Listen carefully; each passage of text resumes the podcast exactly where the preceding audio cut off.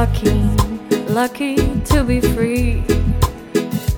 Left you guys there, but know you're still with me. Fight them all with your love, love will give you victory.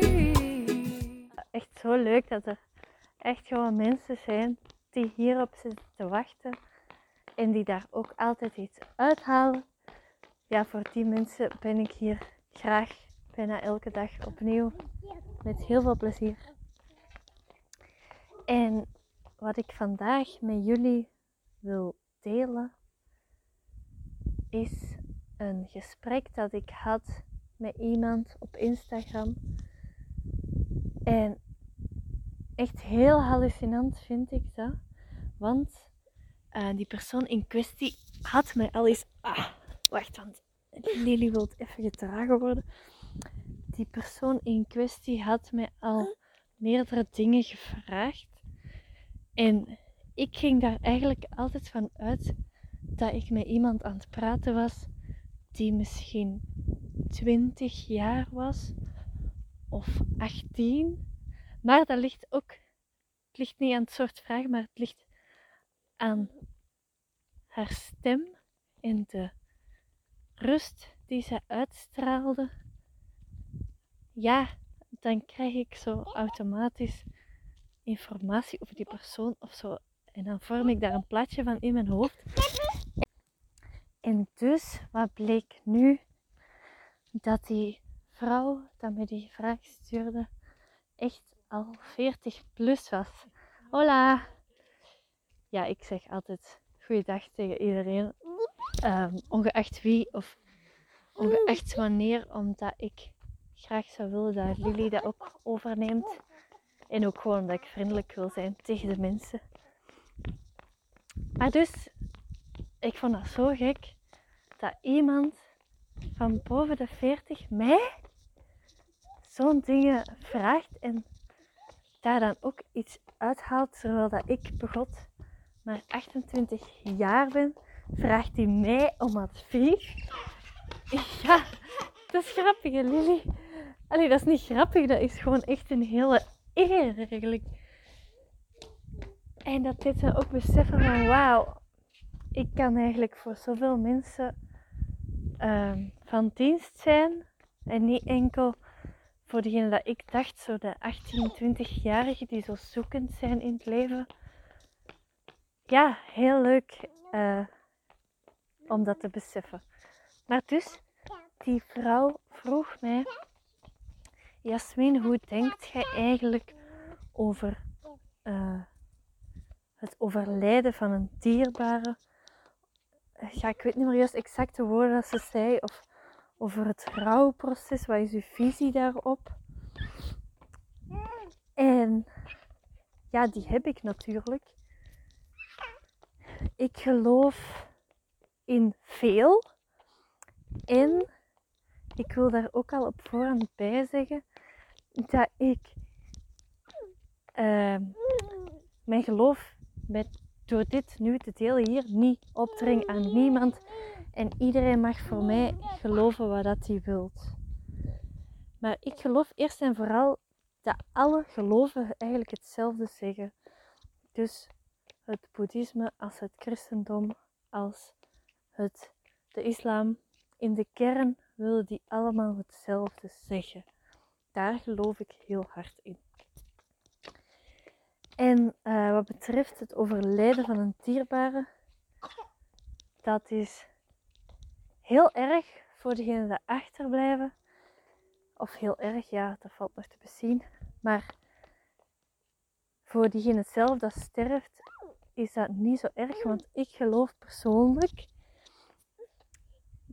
dat je niet echt sterft. Je laat je lichaam hier dan achter op aarde en je geest blijft, of je energie blijft, eigenlijk je ziel, zal ik maar zeggen, blijft verder bestaan. En ik denk ook dat de mensen die overleden zijn, die zijn dus niet weg. En je zou kunnen zeggen, je kunt dat denken om jezelf verder te helpen. als bijvoorbeeld uw moeder is overleden en je mist die. En als je dan de gedachte hebt, ja maar die bestaat nog, die is hier nog, om jezelf te sussen, dan gaat het beter. Maar bij mij gaat het echt een stap verder. Ik weet, ik weet echt dat die er nog is en die zit nog altijd in mij. Die dierbare overledene. En ik kan die ook nog altijd horen of een soort van oproepen als ik echt kalm ben en in rust. En ja, ik denk dat dat ook mijzelf heel veel rust geeft. En ik kan dat ook in kleine dingen terugvinden. Dat bijvoorbeeld het liedje van die dierbare overleden ineens op de radio komt. Net als ik daar heel hard aan aan het denken ben, dan denk ik, ah ja, hé, hey, dit gebeurt niet zomaar, denk ik dan. En ja, mijn verdere visie op het rouwproces, wat heb ik nog gezegd? Ik ben even aan het terugdenken. Ik denk ook, nee, ik weet gewoon dat als iemand doodgaat, is dat vaak ook zo dat die ziel nimmer in dat lichaam wil zijn, omdat dat lichaam bijvoorbeeld te ziek is of uh, te onaangenaam voor die ziel om in verder te blijven leven. En dan is dat eigenlijk de meest logische opvulling, uh, oplossing voor mij, dat die ziel dus uit dat lichaam gaat en dan een ander lichaam zoekt, een gezond, om in verder te leven. Dus ik zie dat dan ook bijvoorbeeld er gebeurt een auto-ongeval en dat lichaam is zwart verminkt door die auto waar, dat, die, dat, daar is overgereden. Dat die, dat die ziel daar nimmer in verder wil leven. En dat ik daarom eigenlijk sterft. Ik heb me ook eens verdiept in zo bijna doodervaringen. En ik vond dat ook heel hard uh, het inzicht geven of perspectief geven om om te gaan met iemand dat je graag hebt gezien en nu dood is. Want dan weet je ook van die personen, die persoon dat je graag zag en nu dood is, die is nu niet aan het lijden. Die is nu terug, terug van waar dat die gekomen was. Die is terug helemaal zen en terug helemaal heel. En ja, daar kom ik dan ook. Ik geloof ook dat wij kiezen om te leven. Of dat wij kiezen om hier op aarde een leven te leven. En dat geeft mij zo'n geluksgevoel. Ik geloof ook echt dat je eerst van op een afstand eigenlijk toekijkt op wat wij hier doen in het leven. En dat je dan eigenlijk zelf kiest waar dat je geboren wilt worden en bij wie en uh, in, in welke, bij welke ouders eigenlijk dat je terecht gaat komen. En daar kunt je echt heel boos van worden als je nu niet gelukkig zou zijn met je ouders of uw familie. Maar ik geloof daar dan in. Voordat je geboren wordt, had je dan die keuze. En heb je die specifieke ouders gekozen omdat je daar het meeste van wou leren. En gaandeweg verliezen wij eigenlijk het besef dat we daar zelf voor hebben gekozen om uit die situatie te leren. Ze zeggen soms toch ook dat sommige mensen een oudere ziel hebben. Ik geloof er dan ook in dat die oudere ziel al heel veel levens hebben geleefd en dat die zo eigenlijk heel veel hebben geleerd.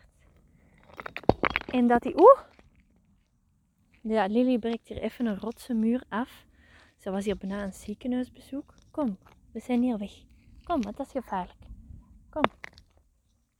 Bijna een ziel uh, meer die dat weg zou zijn. Nee, zo erg was het niet. maar het was echt wel een dikke rosblok. Uh, maar dus, mijn visie op de dood. Ik geloof ook dat er meer is dan hier gewoon het leven op aarde. Maar dat onze hersenen, dat wij niet slim genoeg zijn om dat helemaal te vatten of zo. En dat wij dat in het begin van ons leven als klein wezen misschien nog wel wisten, maar dat we dat gaandeweg verliezen. Dit ben ik nu zelf hardop eigenlijk uh, even aan het mezelf aan het bedenken en aan het denken of dat ik dat echt ook geloof, maar dit is maar een nuance, laat ik zeggen. Maar dus, moest je nu toevallig uh, recent iemand verloren zijn, dan wil ik u echt op het hart drukken dat die er misschien niet meer zijn in uw fysieke realiteit, maar in uw geestelijke zijn die er nog wel. En je kunt die echt altijd terug bij u halen. Elke keer als je daaraan denkt, of elke keer als je die iets hoort zeggen in je hoofd, dan zijn die terug bij u. Zo heb je bijvoorbeeld vaak stemmen van mensen van heel dicht bij u. Hè, die kunt je zo nog dingen horen zeggen. Ook uh, minder goede dingen, zoals bijvoorbeeld dat ik mijn moeder hoor zeggen: ruim dat bord op. Hè. Dat zijn de momenten dat die dan terug echt bij u zijn. En ik denk dat, daar, dat je daar vooral heel veel kracht uit kunt halen. Want elke keer als je daaraan denkt, zijn ze bij u en je kunt er zo vaak aan denken als dat je wilt. Dus in dat opzicht zijn ze ook niet echt helemaal weg. Het is een eh, hele korte aflevering, maar ik hoop dat er iemand iets aan heeft gehad en zeker ook iemand die pas iemand verloren heeft. En dan denk ik ook gewoon omarm uw emoties als je door zo'n periode gaat. Als je verdriet voelt, ween dan. Als je kwaad bent, ben dan kwaad, maar probeer dat niet weg te duwen. Want alles waar dat je kracht aan geeft, dat wordt groter. Dus door dat krachtig weg te duwen, gaat je dat eigenlijk alleen maar groter maken in plaats van het echt weg te hebben. Dus pak dat gevoel niet vast om dat weg te duwen, maar laat dat gevoel er gewoon zijn. En het gaat beter gaan met de dagen, de weken, de maanden. Alles moet ook altijd heel snel gaan in onze maatschappij, maar het beste medicijn is vaak toch altijd tijd in plaats van een paracetamol. Dus mijn advies ook, neem, neem veel tijd en neem vooral veel tijd voor uzelf. Om uzelf te kunnen horen denken en uzelf te kunnen voelen. Want we zitten vaak zo in het doen, doen, doen, waardoor dat we ver weg raken van ons gevoel. Je ziet dat ook vaak, dat mensen zo iemand dierbaar verliezen en dat ze dan maar gaan vluchten in het doen, doen, doen, doen, doen om niet te moeten voelen. Maar ik denk dat het goud, maar iedereen verwerkt op zijn eigen manier, dat wil ik ook nog wel zeggen. Maar het goud in het, in het snellere, als we dan toch over tijd moeten hebben, in het snellere verwerkingsproces zit toch wel in die emoties echt recht durven aankijken en niet ervan vluchten. Dus ja, het is heel leuk om over zo'n zwaar onderwerp en dan Lily op de achtergrond heel vrolijk te hebben. Maar dus, kijk uw gevoelens eens aan en kunt daar ook van een, op een afstandje naar kijken. Van ik voel mij nu verdrietig. Maar jij bent dat gevoel niet. Jij bent niet verdriet of jij bent niet woede dat is maar iets dat je nu voelt en dat is zoals ik al nog wel eens heb gezegd. Dat is als een wolk die voorbij gaat. Je hebt niet het idee dat die voorbij gaat, maar die is wel helemaal aan het passeren met de wind. En daar wil ik hem graag mee afsluiten. Ja, en ik ben uh, heel verwonderd dat ik gewoon een volledige aflevering heb kunnen opnemen met mijn dochter naast mij. Dus hou u vast, want nu kan ik uh, dat nog wel eens doen als er iemand een vraag heeft of raad nodig heeft. heeft dan ben ik hier graag voor jullie. Heel erg bedankt voor het luisteren. En vergeet vooral niet als je iets had aan deze podcast om mij een ster te geven. Uh, op Spotify, zo kom ik hoger in de ranking en zo kunnen nog veel meer mensen deze podcast vinden en geholpen worden. Dat is vooral het doel. Mensen gelukkig maken. Dankjewel voor het luisteren en tot